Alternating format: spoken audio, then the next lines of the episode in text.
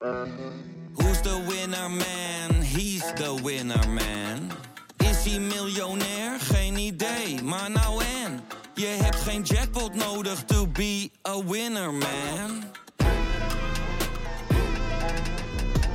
Oh oké, dat is wel lekker man.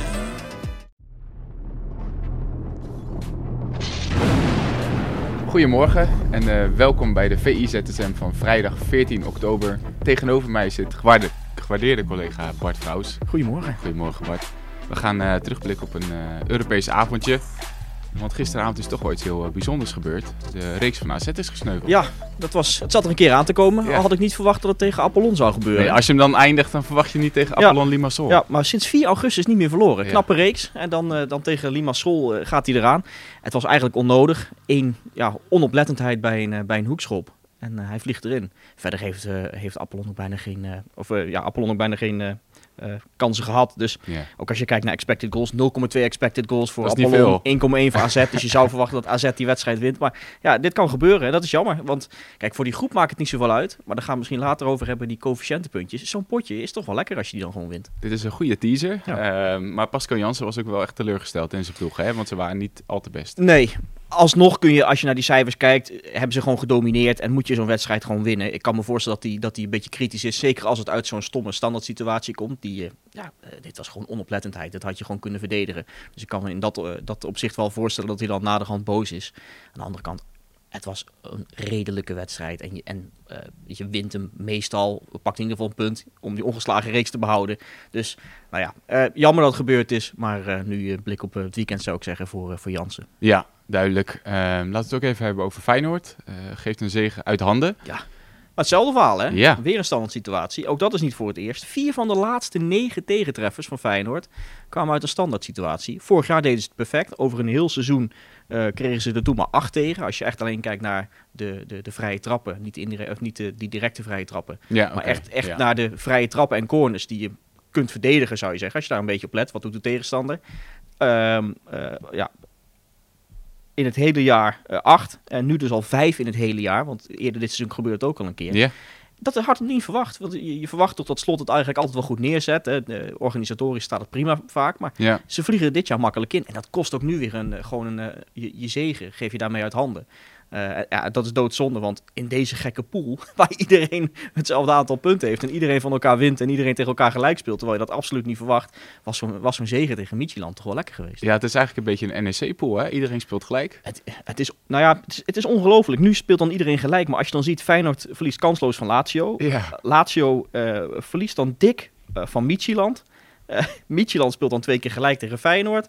Eh Sturm Graz wint dan van Midtjylland. Het, er is geen pijl op te trekken op die pool. Het is wel, het is wel heel leuk. ja. Maar ja, Feyenoord had hier hele goede zaken kunnen doen... als ze niet die, die kundige goal tegen hadden gekregen. Wat is dat met ons Nederlanders en spelervattingen? Dat we daar niet zo goed in Ja, zijn? goede vraag. Ajax heeft hetzelfde probleem. Eh, Liverpool uit, waar je hem in de laatste minuten weggeeft. We hebben er van de week ook een stuk over geschreven, Pieter en ik, over hoe ze die, die corners verdedigen. Dat lijkt nergens op.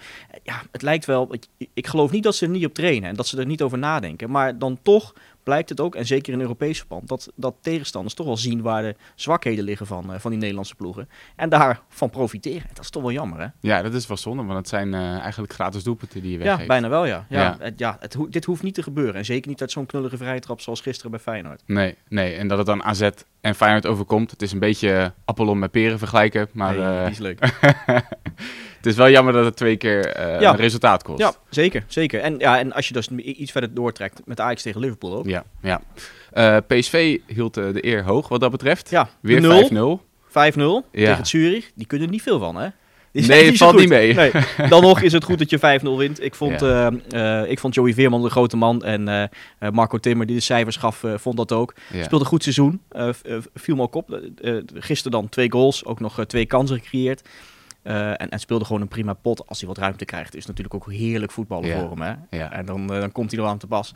En wat ik, wat ik mooi vond, ik had van de week had ik een verhaal geschreven over Cody Gakpo. Die creëert de meeste kansen in de Eredivisie. Die schiet, de meeste, eh, schiet het vaakst in de Eredivisie. En dan denk je, dat zou ook wel de PSV-speler zijn die het meest bij alle schoten betrokken is. Maar als je dan puur kijkt naar open spel, dan komt Joey Veerman eruit. Als de speler die bij de meeste doelpogingen betrokken is. Ja. Ook als je kijkt naar wat hij in de opbouw doet. En daar doet Gakpo bijna niks. Hij is echt het eindstation, Cody Gakpo. En Veerman, die, is, die kan en veel schieten en geeft veel voor uit open spel.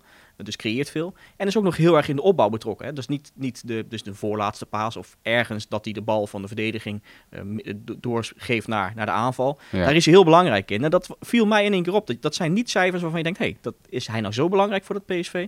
Maar blijkbaar dus wel. Stiekem wel een heel belangrijke Ja, creatieve ja, rol. soort, ja, een hele creatieve rol. En ook een soort ja, architect, motor in dat elftal. Terwijl je dat niet altijd door hebt. Je denkt, nou ja, Gakpo is echt de, de, de man die, die uiteindelijk aan eh, de, de meeste schoten heeft. En daar zal het wel vandaan komen. Maar nee, het is toch Joey Veerman. Ja, Eh, jij bent eh, een man van de cijfers. Hoe lang is het geleden dat de club twee keer ehm, in een tweeluik tien doelpunten maakt in Europa? Ja, die had ik even voor moeten bereiden. ik heb het wel gelezen. Het is een heel eind geleden. Maar we Volgens mij ergens ons jaren niet 70. Nee, herinneren. Ja. ja, bij PSV was het volgens mij eh, in de jaren 70 Ja. tegen Glenavon. Eh, volgens mij Ierland, Noord-Ierland. Ehm, eh, had, ik even, had ik even paraat moeten hebben. Maar Anyway, het is, een heel lang geleden. Ja, toch? Ja, Ja, ja, het is wel uniek wat dat betreft. Ja, ja absoluut. Ja, eh, we moeten ook even hebben over de co- coëfficiënten. Want eh, het was een beetje een wisselende week, al met al. Eh, Ja. Kun je dat eens even duiden voor ons? Uiteindelijk, aan het einde van de rit valt het wel mee met de schade.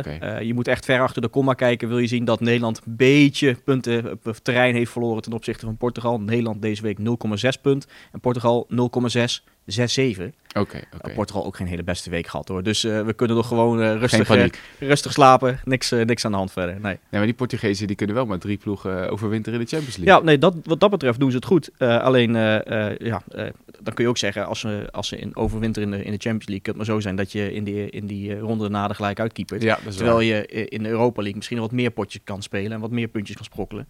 Eh, maar nou ja, ze doen het wat dat betreft prima nog. Ze hebben zeker die, eh, die Champions League clubs. Valt me, niet, eh, valt me niet tegen. Eigenlijk ook wel slim van Ajax als ze derde worden dan. Nou ja, zo kan je het ook zien. ja, absoluut. Ja. Nou ja, ik denk dat. Ajax meer te zoeken heeft in de Europa League dit moment dan, eh, dan in de Champions League. Dus als ze daar, eh, daar ver kunnen komen en de punten kunnen sprokkelen voor de Nederlandse clubs, helemaal goed. Ja, we hebben het nu een tijdje over de, de donderdagavond, de Europa League avond. Maar we zijn eigenlijk de grote man van donderdagavond nog een beetje vergeten. Ja, Want heeft natuurlijk maar één man de show gestolen geweldig hè. Zo, en dan moet het, nou, we hebben het natuurlijk over de keeper van Omonia Nicosia. We Ja, hebben het daar niet heel vaak over volgens mij. Nee, maar dit is hij denk ik de verdient eerste vandaag keer. echt alle aandacht. ja, Francis Ozo, Uzo, ja. Nigeriaan, gaan we niet zien op het WK. Hij is wel keeper van het nationale elftal. Eh, groot Manchester United fan. En gisteren speelde hij op Old Trafford. En hij speelde de wedstrijd van zijn leven. ja. 34 schoten had Manchester United. En in de, wat is het, 92ste, 93ste ja, minuut, Ja, 93. McTominay schoot hem er eindelijk in.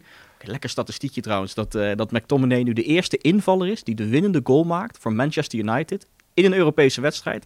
In of na de 90ste minuut sinds Solskjaer in de bekende Champions League finale van 99. 99. Dus ja, dat zijn altijd lekkere, lekkere Dat statistieken. is een goede, ja. Maar hij keepte de wedstrijd van zijn leven. Als je kijkt dan, eh, eh, sowieso hadden ze dus veel schoten. Daarvan waren er ook een heel aantal op doel.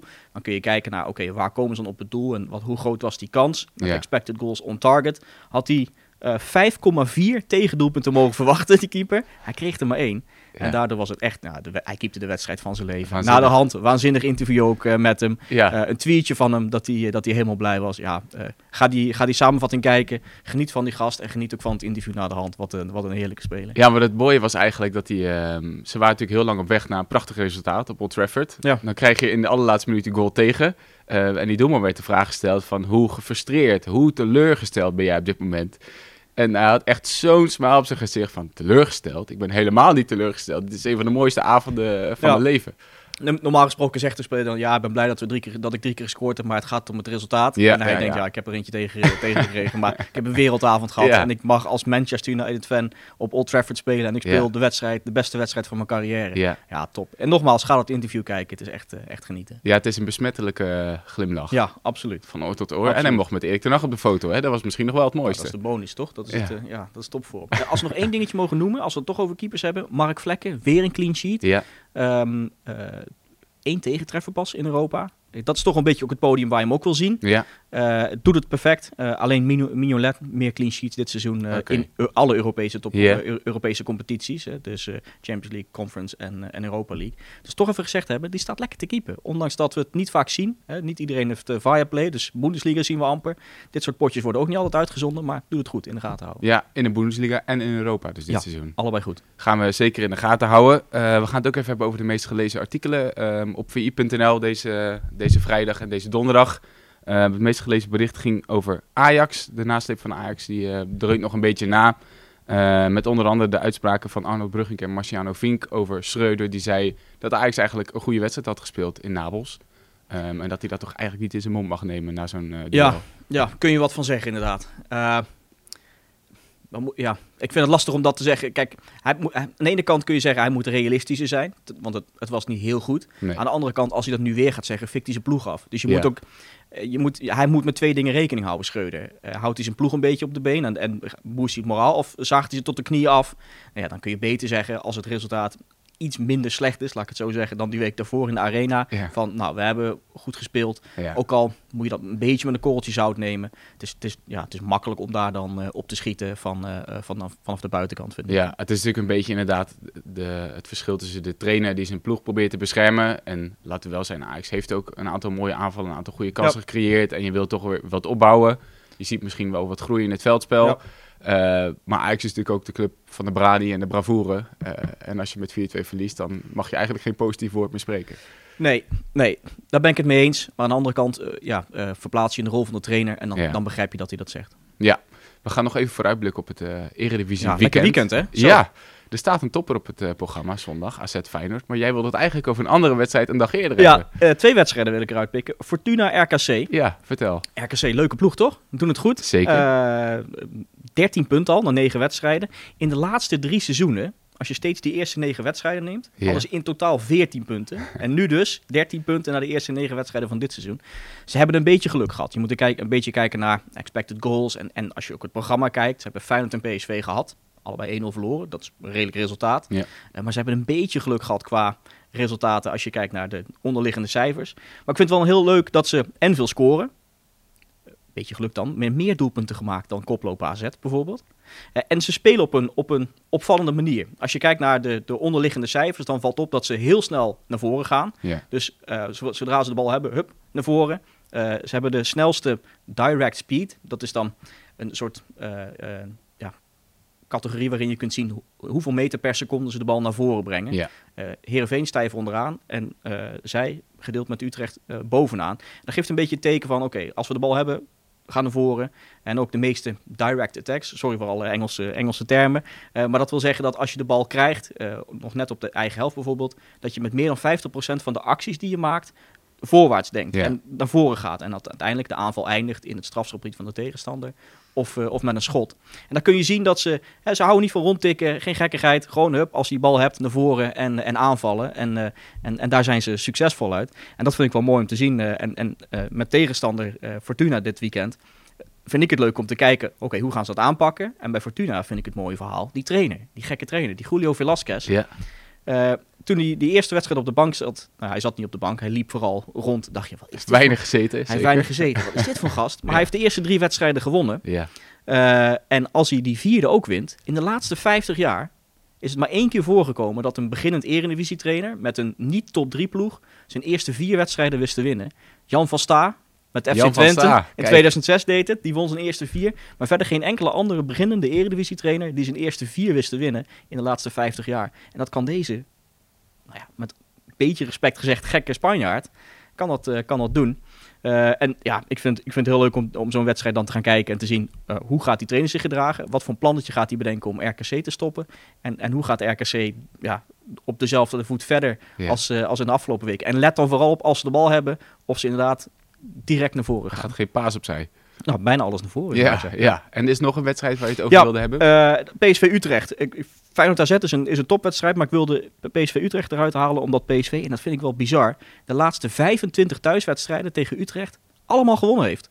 De laatste 40 zelfs ongeslagen. ja. Dus je moet echt een, een eeuwigheid terug, wil je de laatste zegen van Utrecht in Eindhoven uh, kunnen terugvinden. Je moet echt al die boeken afstoffen en dan ja, kun je het ja, pas ja. vinden. Dat vind ik toch wel maf. Zeker als je ziet dat ze de laatste jaren in de arena toch geregeld resultaat boeken. Utrecht, ja, zeker. Uh, en, en waarom het dan niet lukt in Eindhoven, dat is echt een soort raadsel. Dus ook dat zijn van die dingen waarvan je dan gaat kijken. Spelen ze dan heel gek aankomende zondag? Doen ze iets anders dan normaal? Uh, graven ze zich in? Wat, wat gaan ze doen? En daar, daar heb ik wel zin om naar te kijken. En andere dingetjes. Uh, ik ga naar uh, Xavi Simons kijken.